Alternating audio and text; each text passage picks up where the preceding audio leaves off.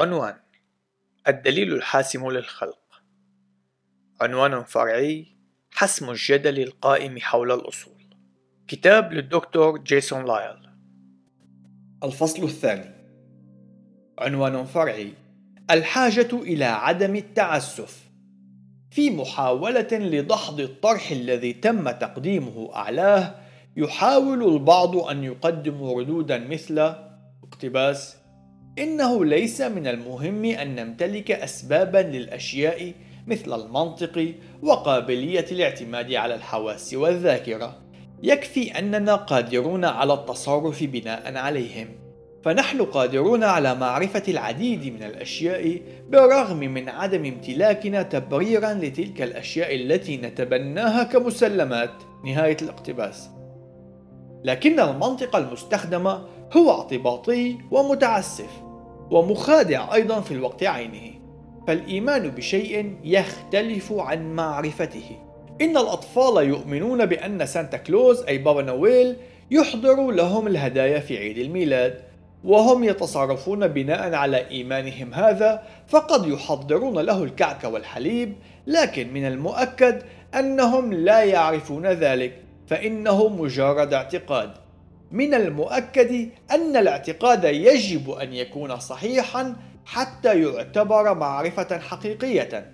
لكن حقيقة مصادفة كون الاعتقاد صحيحا لا يعني أن الشخص قد امتلك معرفة.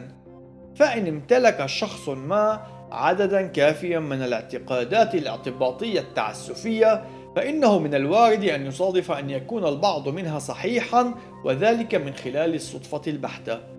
ولكن إن لم يمتلك الشخص أسبابا جيدة لاعتقاداته تلك بما في ذلك الصحيحة منها فإنه من غير اللائق أن نقول أنه يمتلك معرفة حقيقية. فمن أجل أن يتم التعامل مع الاعتقاد على أنه معرفة يجب على الشخص أن يمتلك سببا جيدا للاعتقاد الصحيح. وبالتالي فإنه من غير الممكن امتلاك المعرفة حول شيء ما دون امتلاك سبب جيد لها. وهذا مبدأ مهم. لذلك سنقوم بوضعه في مثال. افترض بأن شخصا ما قد قال اقتباس أنا على معرفة وثقة تامة بأن الطقس سيكون مشمسا في موعد النزهة مع الكنيسة التي تعين موعدها في الشهر القادم. نهاية الاقتباس. هل هذا الشخص يعرف حقا ما طرحه؟ من المؤكد أنه لا يعرف فهو يعتقد بذلك لكن لا يوجد أي ضمانة بأن اعتقاده صحيح.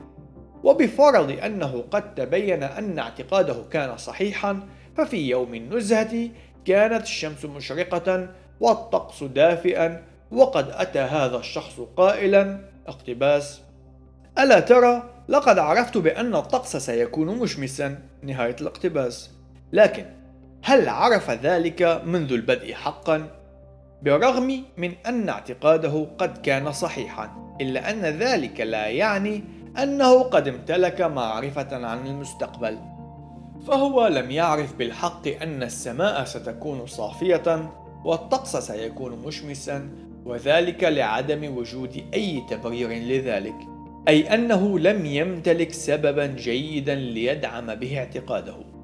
إن المعرفة هي اعتقاد صحيح ومبرر. يتوقع التطوريون بشكل محق ألا يتخذ الخلقيون موقفا تعسفيا بحيث أنهم يجب أن يمتلكوا أسبابا لاعتقاداتهم.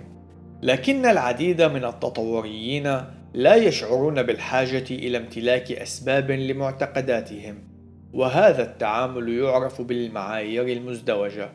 تخيل فقط أن شخصا من المؤمنين بالتطور يسأل شخصا مؤمنا بالخلق عن أسباب إيمانه بالخلق فيرد الخلقي اقتباس ليس لدي سبب الخلق هو أمر حقيقي وهذا كل ما في الأمر. نهاية الاقتباس.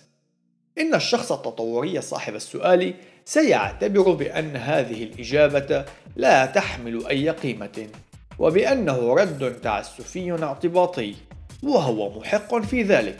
لكن حين نسأل عن الشروط المسبقة للوضوح سيجيب البعض من التطوريين اقتباس ليس لدينا أسباب لذلك. يكفي أننا نتصرف بناء عليهم. نهاية الاقتباس.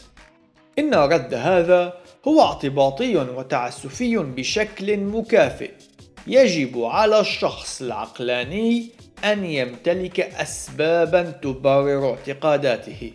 يوجد المزيد مما يمكن أن يتم قوله عن كل من المعرفة الاعتباطية والتعسف والاتساق. لكننا سنقوم بالعودة إلى هذه المفاهيم في الفصل الخامس من الكتاب.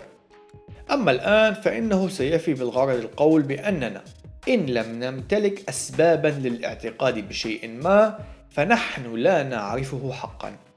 وأولئك الذين ينكرون الخلق التوراتي لا يمتلكون سببا للأشياء التي يقومون بتبنيها على أساس أنها مسلمات وذلك ضمن رؤيتهم للعالم. وليس من الممكن لهم أن يعرفوا حقا أي شيء من تلك الأشياء فيما لو تبين أن رؤيتهم للعالم هي صحيحة. إن الأشخاص غير المؤمنين يمتلكون معرفة ببعض الأشياء ذلك أنهم يعتمدون بشكل مطلق على الخلق التوراتي وهذا ما سوف نستكشفه في غمار الفصل القادم. إنه ليس من شك أن غير المؤمنين يتصرفون بناء على معتقداتهم لكن النقطة هي أنه لو تبين أن رؤيتهم للعالم هي صحيحة فإنهم لن يجدوا تبريرا لأبسط قناعاتهم. فبالرغم من أن غير المسيحيين يؤمنون ببعض الأشياء التي حدث وأنها كانت صحيحة فإنهم غير قادرين على امتلاك معرفة بأنها صحيحة إلا في حال استندوا إلى الخلق التوراتي. ما تبقى الآن هو أن نرى على وجه التحديد كيف يفسر الكتاب المقدس هذه الأمور وكيف تعجز رؤية التطورية للعالم عن تفسيرها.